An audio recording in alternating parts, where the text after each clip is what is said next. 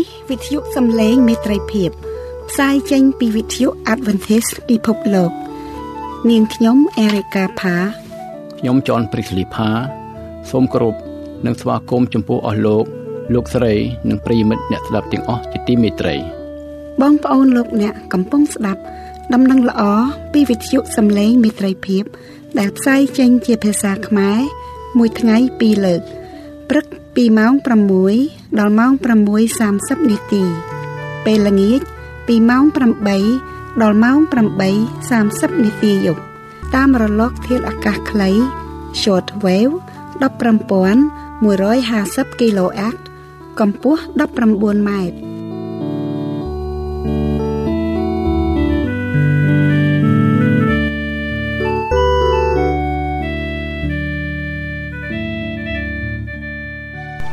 សូមគោរពស្វាគមន៍បងប្អូនលោកអ្នកក្នុងកម្មវិធីសិក្សាព្រះគម្ពីរមេរៀនសាបាស្គូលតាមវិទ្យុសំឡេងមេត្រីភាពថ្នាក់សាបាស្គូលគឺជាមគ្គុទ្ទេសក៍សម្រាប់សិក្សាព្រះគម្ពីរនៅត្រីមាសទី3ឆ្នាំ2019នេះយើងនឹងសិក្សាពីប្រធានបទធំ អំពីអ្នកដែលតូចជាងគេក្នុងចំណោមអ្នករាល់គ្នា ថ្ងៃនេះយើងនឹងសិក្សាមេរៀនទី6ក្នុងត្រីមាសទី3ដែលមានចំណងជើងថាថ្វាយបង្គំព្រះអតិកោមានពរហើយអ្នកណាដែលមើលនិងស្ដាប់ព្រះបន្ទូលនៃព្រះសូមព្រះជាម្ចាស់ប្រទានព្រះពរដល់សន្តាប់នៃកម្មវិធីនេះយើងនឹងពិភាក្សាលើសំណួរមួយចំនួនដូចតទៅនេះ សំណួរទី1តើលោកអ្នកធ្លាប់គិតឬទេថា ការមានសេចក្តីយុត្តិធម៌និងការសម្ដែងសេចក្តីមេត្តាដល់មនុស្សទាំងឡាយគឺជាសកម្មភាពនៃការថ្វាយបង្គំតើលោកអ្នកគិតដូចម្ដេចថាគំនិតនេះអាចផ្លាស់ប្ដូររបៀបដែលលោកអ្នកថ្វាយបង្គំចំណុចទី2ព្រះយេស៊ូវបានចោទប្រកាន់មេដឹកនាំសាសនាដែលបានចោលសេចក្តីដែលសំខាន់ជាងដែលមាននៅក្នុងក្រឹតវិន័យ ដូចជាសេចក្តីយុត្តិធម៌សេចក្តីមេត្តាករុណា និងសេចក្តីជំនឿនៅព្រះគម្ពីរម៉ាថាយចំពុក23ខ23តើយើងអាចធ្វើអ្វីបានខ្លះដើម្បីឲ្យយើងមានសេចក្តីយុត្តិធម៌និងសេចក្តីមេត្តាចំពោះមនុស្សទាំងឡាយក្នុងជីវិតរបស់យើង ក្នុងផ្ទះរបស់យើង ក្នុងពួកជំនុំរបស់យើង និងក្នុងសហគមន៍របស់យើងនោះ តើលោកអ្នកមាននឹកចាំពីគ្រាណាមួយ ដែលលោកអ្នកបានធ្វើរឿងណាមួយ ដែលมันសំខាន់ក្នុងជីវិតរបស់លោកអ្នកដែរឬទេសូមបងប្អូនមើលទៅខចងចាំតើមិនមែនជាការតอมអត់យ៉ាងនេះវិញ ដែលអញពេញចិត្តទេឬអីគឺឲ្យដោះច្រវាក់ដែលឯងដាក់គេដោយអំពើអាក្រក់ឲ្យស្រាយចំណងដែលឯងបានចងគេ ហើយឲ្យអ្នកដែលឯងបានសង្កត់សង្កិនបានរួចចេញទៅទេព្រមទាំងបំបាក់គ្រប់ទាំងនឹមផងតើមិនមែនឲ្យឯងបានចែកអាហារដល់អ្នកដែលឃ្លាន ហើយនាំមនុស្សក្រដែលត្រូវដេញពីផ្ទះគេមកឯផ្ទះឯងទេឬអីឬបើកាលណាឯងឃើញមនុស្សឥតមានសម្លៀកបំពាក់នោះតើមិនមែនឲ្យឯងបិទបាំងឲ្យគេ ឥតដែលពួនខ្លួននឹងសាច់ញាតិរបស់ឯងទេឬអីនៅព្រះគម្ពីរអេសាយចំពុក58ខ6និងខ7តើលោកអ្នកមើលឃើញអ្វីខ្លះពេលដែលលោកអ្នកអានកាន់គម្ពីរដែលសរសេរដោយហោរាគម្ពីរសញ្ញាចាស់ហោរាគឺជាអ្នកនាំសារពិសេសរបស់ព្រះ ពេលដែលលោកអ្នកអានកាន់គម្ពីររបស់ពួកលោក លោកអ្នកមើលឃើញថាហោរាទាំងឡាយបានយកចិត្តទុកដាក់នឹងមនុស្សតលក្រយ៉ាងខ្លាំង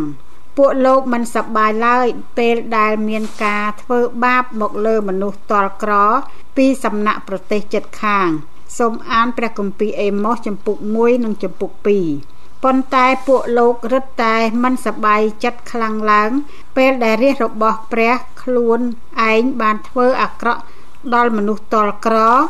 និងមនុស្ស កំសត់ទុរគតព្រះទ្រង់បានប្រទានពរនិងអំណោយទានជាច្រើនដល់ពួកគេហេតុនោះរាជរបស់ព្រះដឹងច្បាស់ហើយថា ពួកគេគួរតែមានចិត្តសប្បុរសចំពោះមនុស្សតលក្រប៉ុន្តែពួកគេពុំបានធ្វើដូច្នោះឡើយហោរាទាំងឡាយក៏បានស្ដីបន្ទោសពួកគេអំពីរឿងទាំងនោះ វាជាការគួរឲ្យចាប់អារម្មណ៍យ៉ាងខ្លាំងដែលឃើញថាហោរារបស់ព្រះក៏បានលើកឡើងយ៉ាងច្រើនអំពីការថ្វាយបង្គំ កាលណាពួកលោកមានប្រសាសន៍អំពីការថ្វាយបង្គំ ជាញឹកញាប់ពួកលោកតែងតែមានប្រសាសន៍អំពីយុត្តិធម៌និងសេចក្តីសប្បុរសចំពោះអ្នកក្រដោយដែលយើងឃើញការថ្វាយបង្គំពុតប្រកបគឺពុំមានគ្រាន់តែជាអ្វីដែលកើតឡើងនៅក្នុងព្រះវិហារនោះឡើយការថ្វាយបង្គំពុតប្រកបគឺជាការបង្ហាញទង្វើរបស់យើង ប្រាប់ទៅមនុស្សដទៃថា ព្រះទ្រង់ខ្វល់ខ្វាយចំពោះពួកគេ ការថ្វាយបង្គំដ៏ពិតក៏រាប់បញ្ចូលទាំងការលើកស្ទួយបុរសស្ត្រី និងក្មេងៗទាំងឡាយដែលរងការធ្វើបាបពីមនុស្សដទៃ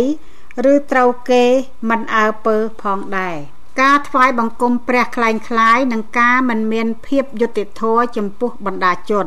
ព្រះជាម្ចាស់បានដឹកនាំរាជរបស់ទ្រង់ចេញពីស្រុកអេស៊ីប បន្ទាប់មកព្រះអង្គបានជួបពួកគេនៅភ្នំស៊ីណាយនៅទីនោះព្រះជាម្ចាស់បានប្រទានបញ្ញត្តិ10ប្រការដល់ពួកគេ បញ្ញត្តិពីដំបូងគឺហាមប្រាមមិនឲ្យថ្វាយបង្គំព្រះខ្លែងខ្លាយនិងមិនឲ្យធ្វើរូបព្រះខ្លែងខ្លាយសូមអានព្រះគម្ពីរនិខមណង្គចំពុក20ខ2ដល់ខ6បណ្ដាជនបានសន្យានឹងព្រះថា ពួកគេនឹងស្ដាប់បង្គាប់តាមអ្វីអ្វីគ្រប់យ៉ាង ដែលព្រះអង្គប្រាប់ពួកគេ ពួកគេសន្យាថានឹងរស់នៅធ្វើជារាជរបស់ព្រះសូមអានទៅព្រះគម្ពីរនិខមណាំងចំពុក24ខ1ដល់ខ3បន្ទាប់មកទៀតលោកម៉ូសេក៏បានឡើងទៅលើភ្នំ ដើម្បីជួបព្រះអង្គម្ចាស់លោកបានឡើងទៅចិត្ត6សប្តាហ៍បណ្ដាជនចាប់ផ្ដើមសង្ស័យថាមានអ្វីកើតឡើងដល់លោកម៉ូសេ តើលោកបានស្លាប់នៅលើភ្នំឬហេតុនោះបណ្ដាជនក៏បានប្រាប់លោកអឺរ៉ុនឲ្យធ្វើរូបព្រះពីមាសឲ្យពួកគេ លោកអឺរ៉ុនក៏បានធ្វើរូបគោមាសឲ្យគេថ្វាយបង្គំបណ្ដាជនបានសម្លាប់សត្វនិងថ្វាយយ៉ាញ់បូជា ដល់ព្រះថ្មីរបស់ពួកគេតមកទៀតបណ្ដាជនក៏នាំគ្នាអង្គុយស៊ីផឹករួចក្រោកឡើងលេងសប្បាយ នៅព្រះគម្ពីរនិខមណង្គចំពុក32ខ6ទាំងលោកម៉ូសេក្រេវក្រោតយ៉ាងខ្លាំងដែលឃើញបណ្ដាជនបែកចេញពីព្រះទៅថ្វាយបង្គំព្រះខ្លែងខ្លាយដែលធ្វើពីមាសយ៉ាងឆាប់រហ័សបែបនេះលោកម៉ូសេបានសូមព្រះឲ្យអភ័យទោសដល់បណ្ដាជនសេចក្តីអធិដ្ឋានរបស់លោកម៉ូសេបានជួយសង្គ្រោះអ៊ីស្រាអែលឲ្យរួចពីការកាត់ទោស សូមអានព្រះគម្ពីរនិខមណាំងចំពុក32ខ30ដល់ខ34នោះពុំមែនជាគ្រាតែម្ដងដែលអ៊ីស្រាអែលបានថ្វាយបង្គំព្រះคล้ายคล้ายឡើយប្រវត្តិសាស្ត្រអ៊ីស្រាអែលបង្ហាញប្រាប់យើងថារាជរបស់ព្រះបានថ្វាយបង្គំព្រះคล้ายคล้ายម្ដងហើយម្ដងទៀតស្ដេចរបស់អ៊ីស្រាអែលនិងយូដាខ្លះបានដឹកនាំរាជរបស់ព្រះឲ្យប្រព្រឹត្តអំពើអាក្រក់យ៉ាងខ្លាំង ហេតុនោះព្រះទ្រង់បានចាត់ថោរារបស់ព្រះអង្គឲ្យប្រាប់ទៅរាជរបស់ព្រះអង្គឲ្យបែរមកព្រះអង្គវិញ ក្នុងអំឡុងពេលទាំងនេះហោរាទាំងឡាយក៏បានសូមឲ្យរាជរបស់ព្រះយកចិត្តទុកដាក់ចំពោះមនុស្សតលក្រ និងមនុស្សកំសត់ទុរគតផងដែរ សូមអានព្រះគម្ពីរទំនុកដំកើងចំពុក115ខ1ដល់ខ8តើខទាំងនេះបង្រៀនមេរៀនដ៏សំខាន់អ្វីខ្លះដល់យើងហេតុផលសម្រាប់ការថ្វាយបង្គំព្រះគម្ពីរបានប្រាប់រាជរបស់ព្រះឲ្យថ្វាយបង្គំព្រះអង្គព្រះគម្ពីរក៏បានប្រាប់ពីហេតុផលដែលយើងគួរថ្វាយបង្គំព្រះអង្គដែរយើងគួរថ្វាយបង្គំព្រះអង្គពីព្រោះព្រះអង្គគឺជាព្រះ នឹងបានធ្វើការអស្ចារ្យយ៉ាងច្រើនសម្រាប់យើងរាល់គ្នាព្រះអង្គទ្រង់មានសេចក្តីសប្បុរសមានសេចក្តីស្រឡាញ់និងមានសេចក្តីយុត្តិធម៌ព្រះអង្គបានសម្ដែងសេចក្តីមេត្តាដល់រាជរបស់ព្រះអង្គឈើឆ្កាងបង្ហាញប្រាប់យើងពីសេចក្តីស្រឡាញ់របស់ព្រះ កាលណាយើងគិតអំពីសេចក្តីល្អទាំងអស់ដែលព្រះទ្រង់បានធ្វើ យើងតែងតែនឹងមាន ហេតុផលមួយសម្រាប់ឲ្យយើងថ្វាយបង្គំ និងសរសើរដំកើងដល់ព្រះ សូមអានព្រះគម្ពីរចោទយកថាចំពុក10ខ17ដល់ខ22ព្រះគម្ពីរទំនប់ដំកើងចំពុក101ខ1ព្រះគម្ពីរទំនប់ដំកើងចំពុក146ខ5ដល់ខ10ព្រះគម្ពីរអេសាយជំពូក5ខ16និងអេសាយជំពូក61ខ11 តើខគម្ពីរទាំងនេះផ្ដល់ហេតុផលអ្វីខ្លះដល់យើងសម្រាប់ការថ្វាយបង្គំ និងការសរសើរដំកើងព្រះហេតុផលទាំងនេះមិនមែនថ្មីឡើយរាជរបស់ព្រះដឹងអំពីហេតុផលទាំងនេះរួចទៅហើយអ៊ីស្រាអែលមានបទពិសោធន៍ក្នុងការថ្វាយបង្គំដ៏អស្ចារ្យយ៉ាងច្រើន បន្ទាប់ពីព្រះទ្រង់បានរំដោះពួកគេចេញពីស្រុកអេស៊ីបបណ្ដាជនបានឆ្លងសមុទ្រក្រហម បន្ទាប់មកលោកម៉ូសេនិងម៉ារាមបានដឹកនាំបណ្ដាជនច្រៀងសរសើរព្រះ ពួកគេបានសរសើរព្រះ សម្រាប់អ្វីអ្វីគ្រប់យ៉ាង ដែលព្រះអង្គបានធ្វើដើម្បីសង្គ្រោះពួកគេព្រះជាម្ចាស់គឺជាព្រះដែលមានសេចក្តីមេត្តាព្រះអង្គទ្រង់យុត្តិធម៌និងទៀងត្រង់ព្រះអង្គចង់ឲ្យរាជរបស់ព្រះអង្គនឹកចាំពីលក្ខណៈសម្បត្តិទាំងនេះរបស់ព្រះអង្គហេតុនោះរាជរបស់ព្រះ ក៏រំលឹករឿងដ៏អស្ចារ្យជាច្រើនអំពីព្រះអង្គម្ដងហើយម្ដងទៀតយើងអាចអានអំពីគ្រាមួយក្នុងខគម្ពីរចោទយកថាចំពុក10ខ17ដល់ខ22ពេលដែលរាជរបស់ព្រះថ្វាយបង្គំព្រះអង្គពួកគេបានរំលឹកប្រាប់គ្នាអំពីរឿងដ៏អស្ចារ្យទាំងឡាយដែលព្រះជាម្ចាស់បានធ្វើដោយដែលយើងដឹងហើយថា ព្រះទ្រង់យុត្តិធម៌ នេះគឺជាលក្ខណៈសម្បត្តិមួយរបស់ព្រះអង្គអើពិតប្រកបជាព្រះទ្រង់មិនដែលប្រព្រឹត្តអាក្រក់ឡើយព្រះដ៏មានគ្រប់ប្រជាស្ដាទ្រង់នឹងមិនបង្វែរសេចក្តីយុត្តិធម៌ដែរនៅព្រះគម្ពីរយោបជំពូក34ខ12ព្រះទ្រង់ក៏ទៀងត្រង់ដែរព្រះអង្គខ្វល់ខ្វាយអំពីអ្វីដែលល្អត្រឹមត្រូវនោះហើយគឺជាហេតុផល ដែលត្រូវថ្វាយបង្គំនិងសរសើរដំកើងមនុស្សដែលប្រើសាសនាធ្វើបាបលើអ្នកដទៃមានគ្រាខ្លះក្នុងគម្ពីរសញ្ញាចាស់រាជរបស់ព្រះបានបែកចេញពីការថ្វាយបង្គំព្រះខ្លែងខ្លាយពួកគេបានបែរមករកព្រះជាម្ចាស់វិញប៉ុន្តែការថ្វាយបង្គំរបស់ពួកគេពុំត្រឹមត្រូវតាមអ្វីដែលព្រះជាម្ចាស់ចង់បានឡើយ។ បណ្ដាជនបានលាយការថ្វាយបង្គំព្រះជាមួយនឹងសាសនារបស់មនុស្សទាំងឡាយដែលនៅជុំវិញពួកគេហេតុនោះការថ្វាយបង្គំរបស់ពួកគេមិនមិនបរិសុទ្ធឡើយគ្រាន់តែបែកចេញពីការធ្វើអាក្រក់ក្នុងជីវិតប្រចាំថ្ងៃនៅមិនទាន់គ្រប់គ្រាន់ទេ មនុស្សទាំងឡាយខំប្រឹងធ្វើតាមការបង្រៀនរបស់សាសនាខ្លាំងណាស់ ប៉ុន្តែការច្រៀងចម្រៀងសរសើរដំកើងរបស់ពួកគេมันអាចបិទបាំងសម្រែកយំសោករបស់មនុស្សតល់ក្រ និងមនុស្សកំសត់ទុរគតបានឡើយលោកអេម៉ូសបានបង្ហាញបណ្ដាជនឲ្យឃើញសេចក្តីអាក្រក់នៅក្នុងចិត្តរបស់ពួកគេក្នុងចំនួននោះលោកមានប្រសាសន៍ប្រាប់ពួកគេថា អ្នករាល់គ្នា ចេះតែជិះជាន់អ្នកក្រីក្រ ហើយធ្វើឲ្យជនទុរគត ត្រូវវិនាសនៅព្រះគម្ពីរអេម៉ូសចំពុក8ខ4លោកអេម៉ូសបានមើលឃើញថារិះរបស់ព្រះបន់ឲ្យតែការថ្វាយបង្គំឆាប់ចប់អាលនឹងបានទៅធ្វើការរកប្រាក់តទៅទៀតពួកគេប្រកបរបរដោយការកេងប្រវ័ញ្ចលើមនុស្សដទៃនិងរកស៊ីតាមផ្លូវទុច្ចរិតមនុស្សទាំងនេះនិយាយគ្នាថា ពួកអ្នកមិនអាចដោះបំណុលខ្លួនរួចឡើយ ហេតុនោះយើងនឹងទិញពួកគេធ្វើជាទេសកលយើងនឹងទិញមនុស្សកំសត់ទុរគតដោយស្បែកជើងមួយគូព្រមទាំងលក់ស្រូវដែលកំពុបនៅនឹងដីដែរនៅព្រះគម្ពីរអេម៉ូសចំពុក8ខ6សូមអានព្រះគម្ពីរអេសាយចំពុក1ខ10ដល់ខ17ព្រះគម្ពីរអេម៉ូសចំពុក5ខ21ដល់ខ24 ព្រះគម្ពីរមីកាចំពុក6ខ6ដល់ខ8តើព្រះអង្គម្ចាស់មានបន្ទូលអ្វីខ្លះទៅកាន់មនុស្សកាន់សាសនាទាំងនេះ អំពីរបៀបថ្វាយបង្គំរបស់ពួកគេព្រះទ្រង់បានប្រើហោរារបស់ព្រះអង្គឲ្យប្រាប់ដល់រាជរបស់ព្រះអង្គព្រះជាម្ចាស់មិនសពព្រះハរតីនិងថ្វាយបង្គំរបស់ពួកគេ ហេតុអ្វីពីព្រោះដូចដែលយើងបានដឹងមកហើយ គឺថារាជរបស់ព្រះពុំបានយកចិត្តទុកដាក់ដល់អ្នកក្រឡើយមនុស្សទាំងឡាយកំពុងខ្វះខាតនៅជុំវិញពួកគេប៉ុន្តែរាជរបស់ព្រះពុំបានអើពើនឹងនរណាម្នាក់ឡើយក្នុងខគម្ពីរអេម៉ូសចំពុក5ខ21ដល់ខ24ព្រះជាម្ចាស់ទ្រង់មានបន្ទូលថា ព្រះអង្គស្អប់បុណ្យដែលរាជរបស់ព្រះ ប្ររពធ្វើព្រះអង្គស្អប់របៀបដែលពួកគេថ្វាយបង្គំព្រះអង្គព្រះអង្គមានបន្ទូលថាការប្រជុំបែបសាសនារបស់ពួកគេមានក្លិនមិនល្អចំពោះព្រះអង្គព្រះអង្គមិនសពរហរតីនឹងការទាំងនោះទេ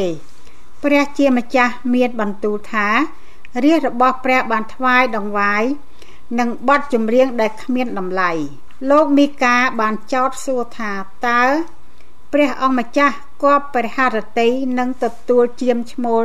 រាប់ពាន់ក្បាលឬប្រេងយ៉ាងច្រើនអណែកអណន្តឬតើខ្ញុំត្រូវបូជាកូនច្បងរបស់ខ្ញុំ ដើម្បីសុំព្រះអង្គលើកលែងទោសឬបូជាកូនចៅរបស់ខ្ញុំថ្វាយព្រះអង្គដើម្បីសុំរំដោះបាបឬ នៅព្រះគម្ពីរមីកាចំពុក6ខ7ពិតជាមិនមែនឡើយ លោកមីកាគ្រាន់តែលើកយកពាក្យពេចន៍ទាំងនេះមកបញ្ញាក់អារម្មណ៍របស់ពួកគេតែប៉ុណ្ណោះទីបំផុតព្រះជាម្ចាស់ពិតជាចង់ឲ្យរាជរបស់ព្រះអង្គប្រព្រឹត្តតាមយុត្តិធម៌ស្រឡាញ់ភាពស្មោះត្រង់ហើយយកចិត្តទុកដាក់ដើរតាមមាគ៌ានៃព្រះរបស់អ្នកនៅព្រះគម្ពីរមីកាចំពុក6ខ8 របៀបថ្វាយបង្គំហោរារបស់ព្រះបង្រៀនថាការថ្វាយបង្គំមានជាប់តេតិននឹងការមានសេចក្តីយុត្តិធម៌ពួកលោកក៏បង្រៀនថា ការយកចិត្តទុកដាក់ដល់មនុស្សដែលកំសត់ទុរគតក៏ជាផ្នែកដ៏សំខាន់មួយនៃការថ្វាយបង្គំដែរបទគម្ពីរអេសាយចំពុក58បង្ហាញប្រាប់យើងអំពីសេចក្តីពិតនេះ សូមអានទៅព្រះគម្ពីរអេសាយចំពុក58ខ6តើចំពុកនេះបង្ហាញប្រាប់យើងដូចម្ដេចអំពីកំហុសឆ្គងដែលរាជរបស់ព្រះបានប្រព្រឹត្តតើលោកអេសាយមានប្រសាសន៍សម្ដៅទៅអ្នកណានៅក្នុងចម្ពោះនេះពួកដែលកាន់សាសនាពួកគេចង់ថ្វាយបង្គំព្រះប៉ុន្តែការថ្វាយបង្គំរបស់ពួកគេមិនត្រឹមត្រូវឡើយហេតុនោះ ព្រះទ្រង់មានបន្ទូលថា ពួកគេគួរតែផ្លាស់ប្ដូរការថ្វាយបង្គំរបស់ពួកគេ ពួកគេគួរផ្លាស់ប្ដូររបៀបនៃការបម្រើដល់ព្រះព្រះទ្រង់ចង់ឲ្យរាជរបស់ព្រះអង្គថ្វាយបង្គំព្រះអង្គដោយដោះច្រវាក់ដែលអ្នកដាក់គេដោយអំពើអាក្រក់ឲ្យស្រាយចំណងដែលអ្នកបានចងគេ ហើយឲ្យអ្នកដែលអ្នកបានសង្កត់សង្កិនបានរួចចេញទៅទេ ព្រមទាំងបំបាក់គ្រប់ទាំងនឹមផង នៅព្រះគម្ពីរអេសាយចំពុក58ខ6ព្រះទ្រង់ក៏ចង់ឲ្យរាជរបស់ព្រះអង្គផ្ដល់អាហារដល់មនុស្សស្រេកឃ្លាន និងជួយមនុស្សដែលគ្មានផ្ទះសម្បែងនិងសម្លៀកបំពាក់ទាំងនេះគឺជារបៀបដែលព្រះចង់ឲ្យរាជរបស់ព្រះអង្គថ្វាយបង្គំព្រះអង្គការថ្វាយបង្គំមិនមែនមានតែប៉ុណ្ណឹងទេ ប៉ុន្តែព្រះទ្រង់មានបន្ទូលថាអំពើសប្បុរសទាំងនេះធ្វើឲ្យព្រះអង្គសពរហរតីជាងវិធីផ្សេងទៀតដែលរាជរបស់ព្រះថ្វាយបង្គំព្រះអង្គតើអំពើសប្បុរសទាំងនេះបង្រៀនយើងអ្វីខ្លះអំពីការថ្វាយបង្គំអំពើសប្បុរសទាំងនេះបង្រៀនយើងថា ការថ្វាយបង្គំពុំមែនជាការខ្វល់ខ្វាយអំពីខ្លួនយើងទេ ការថ្វាយបង្គំគឺជាការខ្វល់ខ្វាយអំពីអ្នកដទៃ យើងថ្វាយបង្គំព្រះតាមរយៈការជួយដល់អ្នកដទៃនោះទៅមានន័យថា យើងផ្សាយព្រះពរដល់មនុស្សគ្រប់គ្នា ដែលនៅជុំវិញយើង សាសនាតោងតែរំដោះមនុស្សឲ្យរួចពីអំណាចនៃអំពើបាបសាសនាផ្លាស់ប្ដូរចិត្តគំនិតរបស់យើងឲ្យលែងស្អប់ខ្ពើមគ្នា និងជួយយើងឲ្យមានសេចក្តីយុត្តិធម៌សាសនាក៏បណ្ដាលឲ្យយើងស្រឡាញ់សេរីភាព និងសេចក្តីសុខសាន្តដែរនៅក្នុងខគម្ពីរអេសាយចំពុក58ខ8ដល់ខ12ព្រះទ្រង់សន្យាថានឹងប្រទានពរដល់រាជរបស់ព្រះអង្គកាលណាពួកគេថ្វាយបង្គំព្រះអង្គតាមរបៀបនេះហេតុនោះរាជរបស់ព្រះអង្គគួរតែខ្វល់ខ្វាយអំពីមនុស្សដតីឲ្យបានច្រើនឡើងថែមទៀតនោះព្រះនឹងធ្វើការជាមួយពួកគេ ព្រះអង្គនឹងព្យាបាលពួកគេព្រះអង្គនឹងធ្វើឲ្យជីវិតរបស់ពួកគេថ្មីឡើងវិញបទគម្ពីរអេសាយចំពុក58ក៏បង្ហាញប្រាប់យើងផងដែរថា ការថ្វាយបង្គំក៏មានជាប់តាក់ទងនឹងថ្ងៃសបាតដែរចំពុកនេះបង្ហាញប្រាប់ថាការរក្សាថ្ងៃឈប់សម្រាកមានទំនាក់ទំនងគ្នានឹងធ្វើការការថ្វាយបង្គំព្រះដែរទំនាក់ទំនងគ្នានឹងការធ្វើការថ្វាយបង្គំព្រះដែរ អ្នកស្រីអេលិនជីវ៉ាយបានសរសេរអំពីខទាំងនេះថាព្រះទ្រង់ចង់ឲ្យពួកអ្នករក្សាថ្ងៃសបាតទាំងឡាយសំដែងសេចក្តីមេត្តាដល់មនុស្សទាំងឡាយព្រះអង្គចង់ឲ្យយើងខ្វល់ខ្វាយអំពីពួកគេសេចក្តីមេត្តានិងភាពស្មោះត្រង់មេដឹកនាំខ្លះក្នុងចំនួនព្រះយេស៊ូវបានបន្ទោសព្រះអង្គដែលបានបរិភោគជាមួយនឹងមនុស្សមានបាប ព្រះយេស៊ូវបានឆ្លើយតបទៅនឹងពួកគេវិញ ដោយប្រើព្រះបន្ទូលចេញពីកាន់គម្ពីរហូសេព្រះយេស៊ូវបានប្រាប់ពួកមេដឹកនាំឲ្យត្រឡប់ទៅអានគម្ពីរសាសនារបស់ពួកគេឡើងវិញនិងរៀនអំពីអត្តន័យពិតប្រាកដនៅពេលដែលព្រះអង្គមានបន្ទូលថា យើងមិនចង់បានយ៉ាញ់បូជាទេ គឺចង់បានតែសេចក្តីមេត្តាករុណាប៉ុណ្ណោះនៅព្រះគម្ពីរម៉ាថាយចំពុក9ខ13 និងព្រះគម្ពីរហូសេចំពុក6ខ6សូមអានព្រះគម្ពីរម៉ាកុសជំពូក12ខក្នុងខទាំងនេះព្រះយេស៊ូវបានប្រមានថាចូលប្រយ័ត្ននឹងពួកអាចារ្យគេតែងនាំគ្នាឆោបោកយកទ្រព្យសម្បត្តិនិងផ្ទះសម្បែងរបស់ស្ត្រីមេម៉ាយតើលោកអ្នកគិតថាហេតុដូចម្ដេចបានជាព្រះយេស៊ូវមានបន្ទូលអំពីរឿងទាំងនេះម្យ៉ាងទៀតតើព្រះយេស៊ូវចង់មានន័យដូចម្ដេច ពេលដែលព្រះអង្គមានបន្ទូលថាអ្នកទាំងនេះនឹងត្រូវទទួលទោសយ៉ាងធ្ងន់បំផុតជាមិនខានព្រះយេស៊ូវបានសម្ដែងសេចក្តីអធិប្បាយដ៏មានអំណាចមួយក្នុងបទគម្ពីរម៉ាថាយចំពុក23ព្រះអង្គបានលើកឡើងអំពីមេដឹកនាំនិងគ្រួសារសាសនាទាំងឡាយព្រះអង្គមានបន្ទូលថាសាសនារបស់ពួកគេមិនអាចធ្វើឲ្យពួកគេคล้ายជាមនុស្សដែលល្អបានឡើយ ពួកគេពុំបានជួយដល់អ្នកក្រ និងមនុស្សកំសត់ទុរគតពួកមេដឹកនាំនិងគ្រូសាសនា ទាំងនេះបង្ហាញឲ្យឃើញថា ពួកគេពុំបានអើពើនឹងជួយដល់នរណាម្នាក់ឡើយព្រះយេស៊ូវមានបន្ទូលទៅកាន់ពួកគេថាអ្នករាល់គ្នាបិទនគរឋានសួគ៌នៅមុខមនុស្សនៅព្រះគម្ពីរម៉ាថាយចំពុក23ខ13 ព្រះយេស៊ូវបានប្រមានពួកគេថាវេទនាដល់អ្នករាល់គ្នាពួកអាចារ្យនិងពួកផារស៊ីជាមនុស្សកំពត់អើយត្បិតអ្នករាល់គ្នាថ្វាយមួយភាគក្នុង10ទាំងជីអង្កាមជីលីលាក់និងល្ងផង តែបានចោលសេចក្តីសំខាន់ជាង ដែលនៅក្នុងក្រឹតវិន័យវិញដូចជាសេចក្តីយុត្តិធម៌សេចក្តីមេត្តាករុណានិងសេចក្តីជំនឿគួរតែឲ្យអ្នករាល់គ្នាបានប្រព្រឹត្តការទាំងនេះ ហើយការឯទៀតនោះក៏មិនត្រូវចោលផង នៅគម្ពីរម៉ាថាយចំពុក23ខ23ព្រះយេស៊ូវមានបន្ទូលផងដែរថា ពួកមេដឹកនាំនិងគ្រូសាសនាមិនខុសទេក្នុងការថ្វាយដង្វាយ10ហូត1ប៉ុន្តែពួកគេក៏គួរតែជួយដល់មនុស្សតលក្រផងដែរខ្ញុំសូមធ្វើការសន្និដ្ឋានពីការសិក្សាបន្ថែមដូចតទៅនេះ ព្រះបានបើកសម្ដែងឲ្យខ្ញុំដឹងថាខ្ញុំត្រូវតែប្រាប់ទៅមនុស្សរបស់យើងឲ្យអានបទគម្ពីរអេសាយជំពូក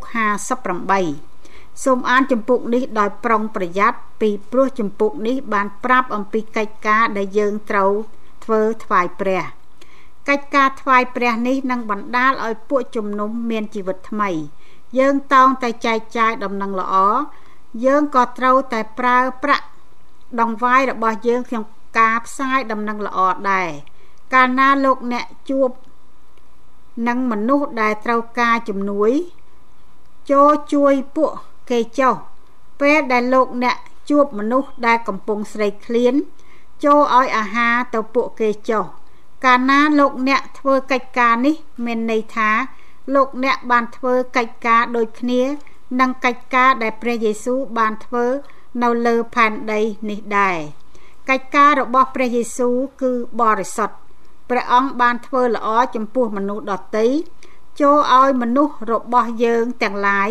គ្រប់ទីកន្លែងមានសេចក្តីក្លាហានក្នុងការចូលរួមចំណែករបស់ខ្លួនក្នុងកិច្ចការរបស់ព្រះយេស៊ូវចុះសូមព្រះជាម្ចាស់ប្រទានព្រះពរដល់បងប្អូនលោកអ្នកជាបរិបូរនាទីយើងនឹងវិលមកជួបបងប្អូនលោកអ្នកនៅសប្តាហ៍ក្រោយទៀតសូមព្រះជាម្ចាស់ប្រទានព្រះពរ ដល់បងប្អូនលោកអ្នកជាបរិបូរអាមែនយើង